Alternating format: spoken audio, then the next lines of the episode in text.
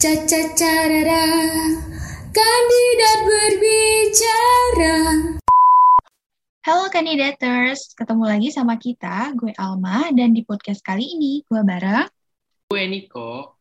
Tapi Kak Alma, topik apa ya yang bakal kita bawain kali ini kandidaters? apa ya, pada kepo kali. Oke guys, jadi hari ini kita bakal sedikit bahas-bahas tentang failure atau kegagalan yang pernah kita alami. Semua di sini pasti pernah dong ya namanya ngerasa gagal dan mengalami kegagalan itu sendiri. Dari pengalaman kita nih ya, Nik, kita berdua di sini punya cita-cita yang sama, punya mimpi yang sama buat dapetin salah satu beasiswa, tapi pada akhirnya gagal. Ya, nggak apa-apa, masih banyak jalan menuju Roma kalau kata orang. Eits, tapi nggak segampang itu kan kita bisa selegowo ini. ada tahap di mana kita jadi dewasa, ada nangis darah dulu, ada cacian dulu, harus ngelewatin rasa malu dulu, ada gangguan kecemasan dulu, iya nggak sih, Nik? Gue aja baru bisa sembuh dan baru bisa ikhlas ya bahasanya itu setelah 8 bulan. Bayangin, lama banget kan? Ya, karena kita udah naruh harapan yang gede salah ke salah satu hal, tapi pada akhirnya gagal. Siapa sih yang nggak sedih, ya kan? Sebelum lanjut, gue pengen banget dengerin pengalaman Niko nih, boleh nggak? Boleh dong, Kak. Tapi sebelum aku cerita, disclaimer dulu ya guys, karena cerita aku kayaknya bakal agak panjang, jadi jangan ngantuk, oke? Okay? Stay tune, teman-teman. Nah, uh, jadi sebenarnya ya guys, kalau boleh jujur aku sama Kak Oma itu sebelum masuk kandidat college kita udah kenal ya Kak. Itu um, waktu itu aku uh, mau daftar satu beasiswa dan setelah itu karena aku masih baru dan masih banyak pertanyaan aku masuk ke dalam suatu open chat di sebuah aplikasi. Nah, lalu pas aku nanya-nanya pertanyaan di situ banyak tuh yang jawab dan memang setiap yang jawab itu terus misalnya orangnya baik aku langsung minta kontak mereka supaya aku bisa PC gitu bisa chat pribadi supaya nggak ganggu yang lain juga di open chat lalu eh, pernah satu hari aku tanya di open chat tersebut terus Kak Alma ini jawab guys jawab dan aku lihat juga orangnya baik banget gitu buat jawab jawabin pertanyaan aku terus aku langsung minta tuh kontaknya supaya aku bisa PC gitu. Nah, waktu aku tanya di PC PC itu um, ya benar gitu, baik orangnya dan memang semua pertanyaan aku terjawab oleh dia gitu. Nah, habis itu aku ajak semua orang yang aku chat secara pribadi itu jadi dijadiin satu grup. Nah, um, lalu aku bikin grup totalnya ada lima orang termasuk aku ya Kalma ya.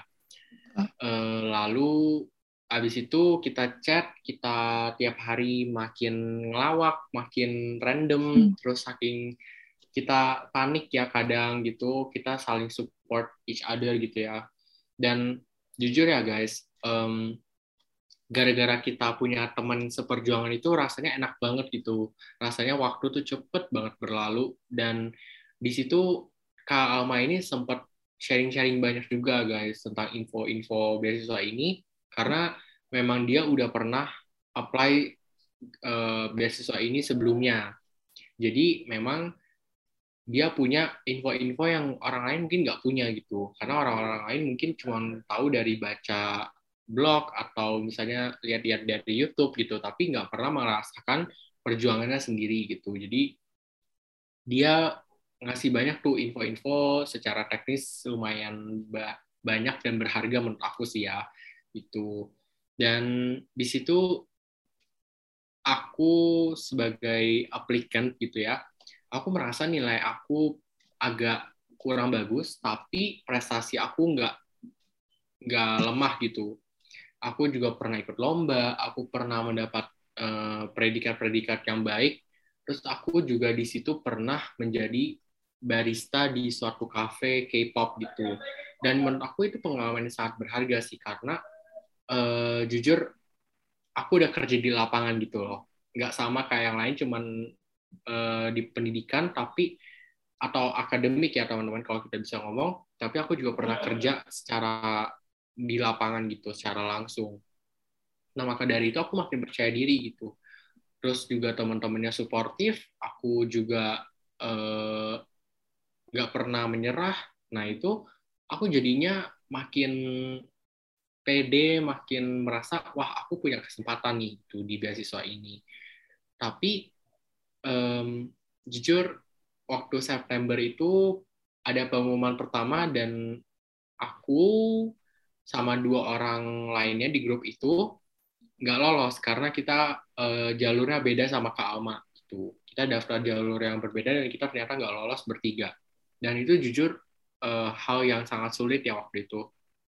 Karena bayangin aku udah uh, nyiapin buat beasiswa ini tuh sejak awal tahun sampai di bulan September uh, which is 9 bulan ya teman-teman. Dan itu dalam sekejap dalam satu malam itu bisa langsung hilang begitu saja. Dan jujur di situ aku down. Down kenapa? Karena aku udah berharap banyak. Benar yang kata kak Alma tadi bilang.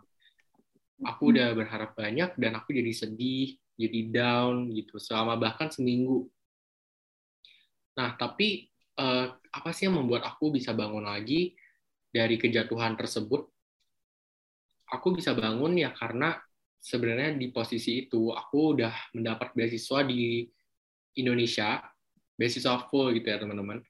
Tapi jujur aku pengen ke luar negeri gitu. Tapi karena aku juga udah punya beasiswa full aku bisa kuliah dan uh, aku rasa tujuan aku sekarang ya oke okay, aku nggak bisa ke luar negeri tapi aku bisa tunjukin kalau aku bisa bersaing sama orang-orang yang kuliah di luar negeri itu dan menurut aku ini juga merupakan suatu tips ya teman-teman.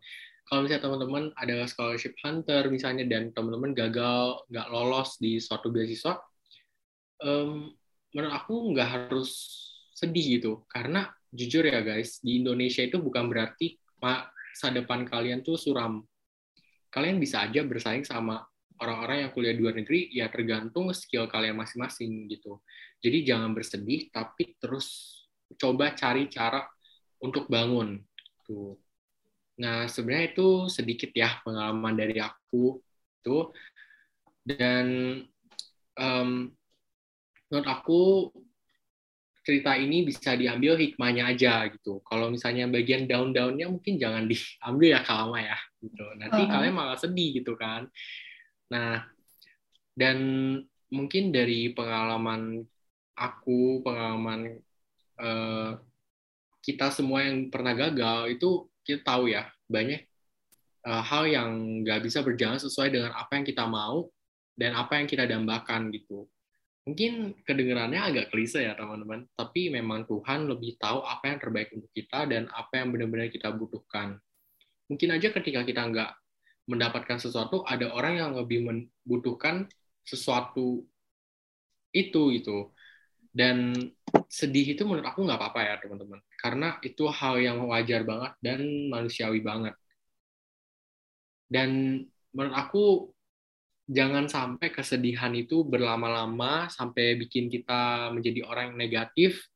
Jangan sampai kita jadi nyalain keadaan dan jadi nggak pede merasa diri ini paling nggak berguna jangan sampai begitu teman-teman apalagi teman-teman sampai nyakitin diri sendiri. Nah, itu harus benar-benar dihindari karena ketika kita jatuh, ketika kita menghadapi suatu kegagalan ya yang harus dilindungi adalah mental kita masing-masing gitu. Dan menurut aku Kak Alma nih punya nih pengalaman kegagalan juga ya Kak Alma gitu. Mungkin boleh Kak Alma di-sharing nih, mungkin kandidators kan pengen denger ya.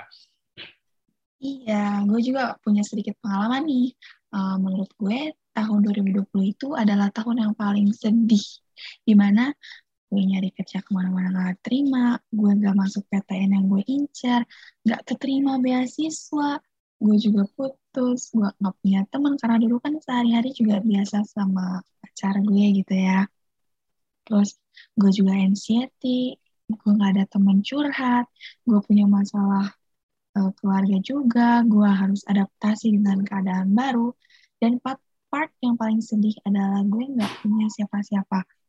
Gue nggak bisa cerita ke siapa-siapa. Gue ngerasa sendiri, memang karena saat itu juga gue lagi tinggal sendiri gitu. Tapi sekarang gue sudah bisa bangkit. Kalian tahu nggak sih apa yang bikin gue bisa bangkit?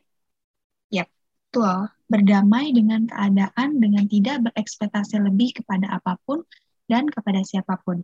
Let it flow and make it easy gitu.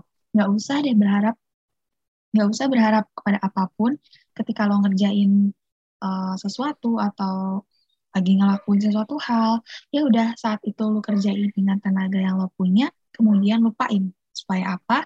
Supaya otak kita uh, otak kita tuh nggak nggak mikirin tentang itu terus, nggak overthinking, nggak berekspektasi lebih. Yakinin aja bahwa lo tuh pasti berhasil percaya deh apa yang lo yakinin itu itu yang bakalan lo dapet itu tuh namanya the power of affirmation Oke oke, makasih Kak Alma buat ceritanya. Ya semoga kalian gak ngantuk ya teman-teman gitu. Aku pun jujur banyak belajar dari pengalaman Kak Alma juga gitu. Ya benar teman-teman, the power of affirmation itu benar-benar sangat kuat ya ketika kita mencoba untuk menjadi positif. Yang nggak ada salahnya gitu. Karena setiap kegagalan itu pasti ada hikmahnya dan ketika kita ambil hikmahnya kita bisa belajar banyak gitu untuk bangun gitu. Dan gue tahu mungkin kalian capek dengan situasi yang kalian alami tapi gue mohon banget ya teman-teman jangan berhenti berusaha. Jangan berhenti sampai di situ. Oke teman-teman ayo coba lagi dan jangan menyerah gitu coba cari jalan yang lain karena kalau misalnya teman-teman adalah scholarship hunter ya itu tentunya adalah hal yang sangat klasik ketika teman-teman nggak lolos di suatu beasiswa gitu. Tapi teman-teman juga tahu kan kalau beasiswa itu nggak cuma satu, banyak banget beasiswa yang bisa teman-teman daftar dan mungkin nggak banyak orang yang tahu gitu. Nah itu yang teman-teman harus cari.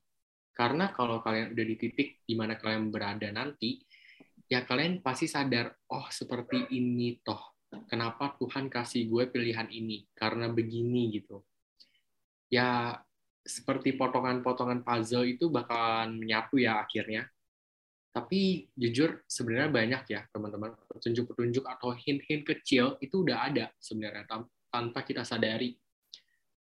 Tapi terus berusaha aja untuk susun puzzle yang udah teman-teman mulai tanpa kehilangan antusias gue yakin sih sedikit demi sedikit potongan puzzle itu bakalan nunjukin gambar yang sempurna teman-teman jadi jangan pernah menyerah untuk mencoba bangun lagi teman-teman Oke okay guys, sekarang kita ada di penghujung podcast. Gue bakalan simpulin sekaligus ngasih tips dan trik untuk kalian ya.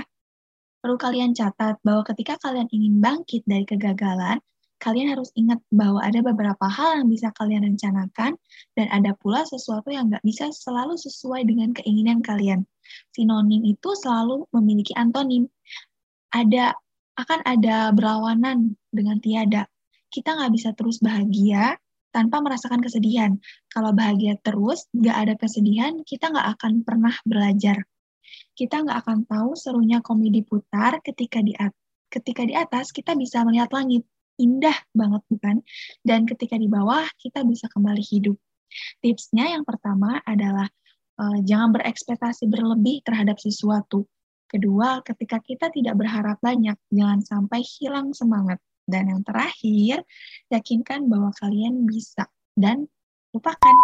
Nah, jadi itu adalah sekian ya podcast kita, podcast dari aku Nicholas dan Kak Alma ya mungkin di tahun ini kita podcast terakhir ya guys. Uh, maksudnya podcast aku dan kamu yang terakhir gitu.